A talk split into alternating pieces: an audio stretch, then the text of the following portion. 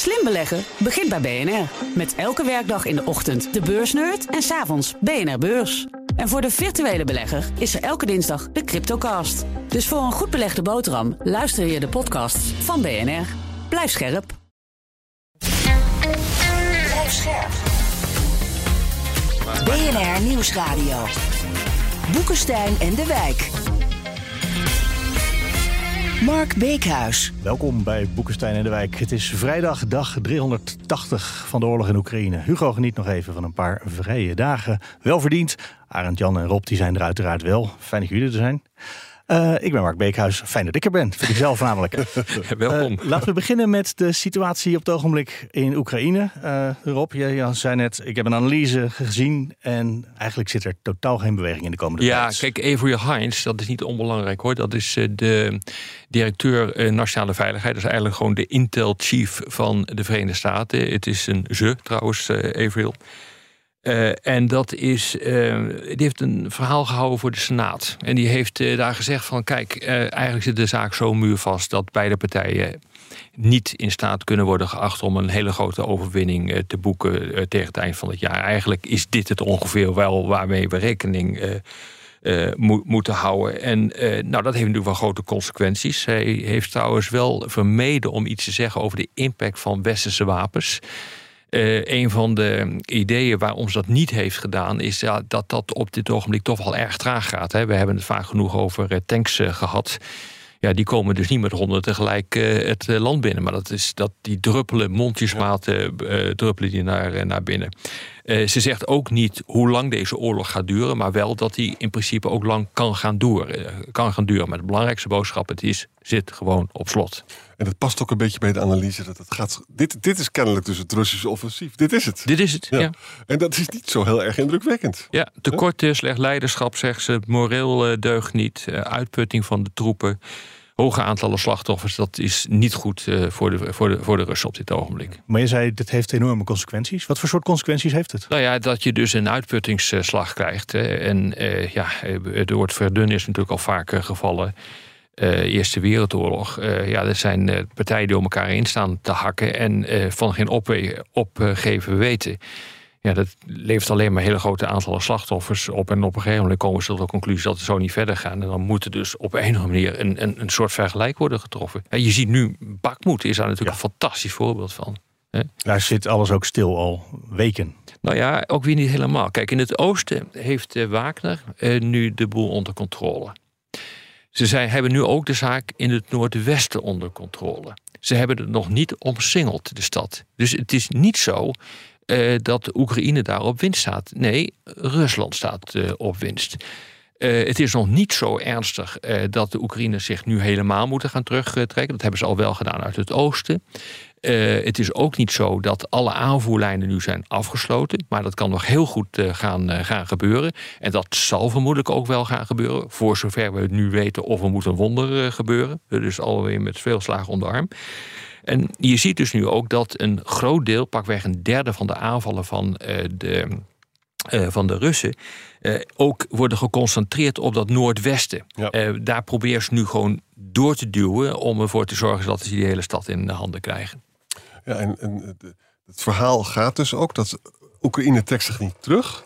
Om een hele cynische reden. Ze zijn kennelijk toch in staat om heel veel Russen te doden. Ja. En daarmee kunnen ze dus een toekomstig Russisch offensief dus, uh, ondermijnen. Hè. Dat is, maar er vallen dus ook heel veel Oekraïners. Ja, ik hoor echt al wekenlang dat de omsingeling bijna compleet is. Dat, dat is ook Oekraïne zo. zich vandaag eigenlijk moet gaan terugtrekken. Ja, maar wij zijn wat ongeduldig in het uh, Westen. Hè. Dus Ja. wij denken dan als uh, we horen het bak moet gaan vallen... oh, dan zal het morgen uh, wel vallen. Kun je ook nog even vertellen hoe laat precies. En zo werkt het natuurlijk niet. Zo'n beleg, zo'n val uh, van een stad... Uh, dat, kan, dat kan maanden duren. En dat zie je dus nu al gebeuren.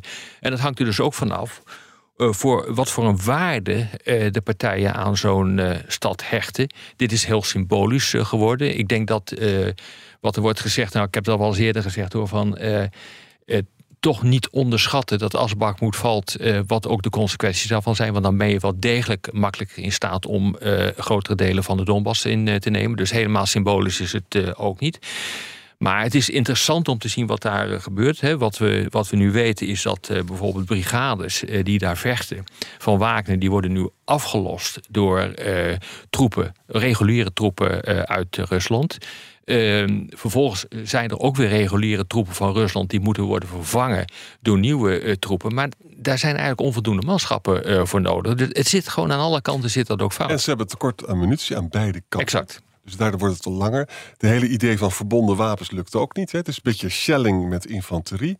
Nou, dat betekent, het verklaart dat het langzaam gaat. Misschien kunnen we dit verbinden met, uh, met dat wat er gewoon gisteren is gebeurd. Wat toch wel heel opmerkelijk is. Hè. 84 raketten. Ja. En eigenlijk, ik weet niet hoe jij erover denkt, Rob, maar ik vind het ook een beetje een wanhoopstaat. Want namelijk, Rusland heeft een hele dure hypersonische raketten ingezet. Die, ik heb begrepen van nieuws dat het 10 miljoen per stuk kost. Mm nou, dat is ook niet niks. Hè? Nou, de ellende is dat daardoor dus Oekraïne er minder uit de lucht heeft kunnen halen. Eh, iets van de helft, sommige mensen zeggen nog wel iets minder. Hè? Mhm. Dus een hoop ellende over heel Oekraïne trouwens. Hè? Maar ja, dat is leuk dat je dat nu doet, maar dat kan je niet heel lang volhouden. Nou, weet je, wanhoopzaak. Ja. Kijk, dit zou dan een vergelding moeten zijn ja. uh, voor... Uh, Die Briansk-affaire. Exact. Dus uh, ja. daar zijn troepen. Oekraïne zegt, wij zitten er niet achter. Uh, die ze hebben daar huis gehouden, even over de grens uh, in Rusland. Uh, dus dat moet nu vergolden worden. Nou, dat doe je dus op deze manier, want die andere manier van vergelden heb je niet. En die, die, die Zinkal-raketten, hoe, hoe heet die? Kinsal. Kinsal-raketten, sorry. Ja. Uh, die, uh, daar, daar, is geen verdediging tegen mogelijk. Dat, dus als je een punt wil maken in het kader van de afschrikking en van uh, de straf, dan is dat wel een ideaal wapensysteem. En bovendien, wat ik ook bij, bij denk, is: kijk, dit zijn wapensystemen die zijn net op de markt gebracht, nog niet helemaal volledig doorontwikkeld. en dit is natuurlijk wel een ideale manier ook om ze te testen. Hè? Ja, ja, ja. Maar gelukkig hebben ze daar niet zoveel van. Nee, maar ze zijn dus redelijk effectief wel. Want als de ja. meeste erdoor komen, of de helft. En ook ja. op, op, op, warmtecentrales weer en zo. Een heleboel mensen zonder licht, een heleboel mensen zonder warmte. is om gek van te worden. Maar uh, uh, tegelijkertijd ook weer niet fantastisch uitgevoerd. Nee. raketten die eigenlijk bedoeld zijn om vliegtuigen uit de lucht te schieten... die worden ingezet op, op elektriciteitscentrales. Ja, vind je dat gek? Dat je een, uh, dat je een woonwijk uh, uh, raakt. En dat is dus wat er gebeurt. Ik bedoel, dat is een hele hoop wat we noemen collaterale schade. Feitelijk ongewenste nevenschade.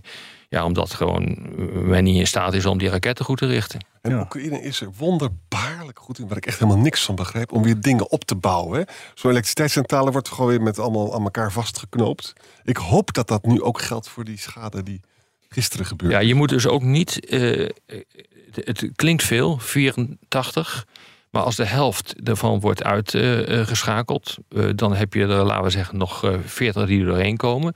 Een behoorlijk aantal, omdat ze daar niet geschikt voor zijn, die raken alleen maar huizen. Dat wat natuurlijk verschrikkelijk is. Dus het aantal eh, raketten dat echt zijn doel raakt, is heel beperkt. En het is een heel groot land met heel veel uh, knooppunten op het gebied van elektriciteit, uh, watervoorziening, verwarming. Dus je moet wel ongelooflijk uh, veel raketten erop afvuren. Wil je de hele boel kapot maken hoor. Ja. Misschien dat de kwetsbaarheid in Europa nog wel groter is dan met de, de Russische nucleaire reactoren die wij hier ja. Uit, ja, die wij gebruiken. Ja, er staat een heel stuk in de New York Times. Dat wisten we eigenlijk ook wel. Hè, dat met name Oost-Europese landen hebben Russische kerncentrales. Daarnaast ook uh, uh, Rusland is de derde leverancier van uranium. Hè? Uranium is niet onbelangrijk. Hè? Dus hier zie je dus dat er toch ook verwevenheden zijn die vervelend kunnen zijn. Hongarije heeft een. Dus wel zo, Polen vervangt nu uh, die Rosatom-centrales door Westinghouse. Dat lijkt me ook heel verstandig dat ze dat doen. Hè? Maar er zit daar wel meer verweven dat je op het eerste zicht zou denken. Ja, want Hongarije is nog nieuw aan het bouwen. Ja. Russische centrales. Dus een heel andere aanpak dan wat ze in Polen doen. Ja, en Hongarije is überhaupt natuurlijk Poetinistisch bezig. Hè? Ja. En die krijgt er ook een goedkope leningen voor en zo. Weet je. Maar ja, het feit dus dat die kerncentrales in, uh, in Oekraïne gewoon weer geraakt worden of bijna geraakt worden of uh, de infrastructuur daaromheen wordt geraakt. Weet je, het is ook gewoon echt te gek voor woorden hoor. Helemaal tergend. Ik hoorde ook iemand van, uh, van de VN roepen van ja, uh, ons geluk is op een gegeven moment ook wel op. Ja. met dit soort operaties. Op een gegeven moment is er echt iets raak. En dan gaat de hand in zo'n veilige in zo'n kerncentrale. Nou, we weten wat Tsjernobyl heeft opgeleverd. Ja. Tjonge, weet je nog hoe echt dat was, Tsjernobyl? Ja, dat kan ik me nog wel herinneren Gelukkig lang geleden. spin- spinazie meer eten. Dat is wat ik Onder nog andere, van- ja, Eh, precies. Zullen wij nog even naar eh, dat andere grote belangrijke land gaan kijken? Eh, Naar China? Ja, dat is, moeten we toch wel even noemen. Die is nu, heeft dus de constitutie, de grondwet veranderd in 2018, hè, waardoor een derde termijn mogelijk is. Nou, vandaag is dat gebeurd. Hij was in oktober al partijleider, hè, maar nu is hij dus ook gewoon de derde termijn president. 69 jaar, hij is nog een jonkie vergeleken met, met Biden. Hè. En hij heeft allemaal loyalisten op hoge posities benoemd. Hè.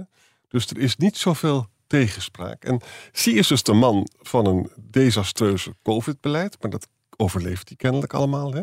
Hij is ook heel erg de man van Taiwan. Gewoon helemaal, Xi zegt dus van ons, geen gezeur. Hij heeft een veel agressiever beleid ten aanzien van het Westen gevoerd. Nu ook met de. Hij staat heel dicht bij Rusland. Hè, en eh, kiest daar toch echt ook een beetje de Russische positie in van. Wij willen best een regelgeleide eh, wereld hebben. Maar dan eentje waarbij wij, wij de regels ook mede mo- mogelijk mo- moeten maken. Dus het is toch gewoon een andere wereld aan het worden. Hè. We waren tien jaar geleden waren we veel optimistischer over China. En het wordt, het wordt eh, een beetje ja, gurende. Wereld. de vraag is eh, wat dit nou gaat betekenen. Hè? Ehm, dus deze man die eh, iedere keer maakt die fouten. Hij maakt echt enorme fouten, continu. Ja. Covid is daar de laatste van. En iedere keer zie je dat op die fouten wordt geantwoord met meer repressie. Ja. En dat is bijvoorbeeld ook de high-tech industrie overkomen in, in China. En ehm, ja, dat draagt niet bij aan eh, het innovatieve vermogen van, eh, van China, de verdere groei. Ja. Eh, ik bedoel, zo, die binnenlandse factoren die kunnen er dus ook toe leiden op termijn dat, dat die groei gewoon af aan het remmen is. En eh, je ziet ook veel analisten die, die dat vrezen dat dat gaat gebeuren. En dat hoeft op zich hoeft dat eh, voor ons eh, geen slecht nieuws te zijn. Dat zal eerder goed nieuws eh, zijn. Maar de vraag is natuurlijk in hoeverre gaat hij dat vertalen in een agressief buitenlands beleid. Dat is eigenlijk feitelijk wat heel veel van die dictators doen. Als ze het binnenlandse politiek niet redden, zie je Poetin. Dan heb je buitenlandse politiek Ja, dan ga je, dan ga je buitenlandse avonturen aan om de bevolking achter je te krijgen. Dus dit, is, dit is aan de ene kant zal dit mogelijkerwijs eh, de, de opkomst van eh, China vertragen, die trouwens al vertraagd wordt. Hè. Het is al gegaan van nummer 1 positie van 2027 naar 2034. Zoiets is het op dit ogenblik. 3% groei nog maar. Ja, het gaat, loopt echt eh, enorm terug. Ehm, maar tegelijkertijd levert dat dus ook gevaar op. Ja, omdat je kan besluiten tot avonturisme in het buitenlands beleid. We gaan het meemaken. Ik ga jullie heel hartelijk bedanken en eh, zeggen tot morgen. Tot morgen. Tot morgen. BNR Headlines. De hele dag binnen- en buitenlandse politiek. In Nederland hebben we geen munitiefabrieken. De hele dag economie. vijf dagen in de week bezorgen. Dat kan niet uit. De hele dag technologie. Amerikanen weer op de maan. Heb je eigenlijk geen tijd, maar wil je toch op de hoogte blijven? BNR Headlines. Het laatste nieuws, maar dan in het kort. Ga naar je podcast-app en abonneer je op BNR Headlines.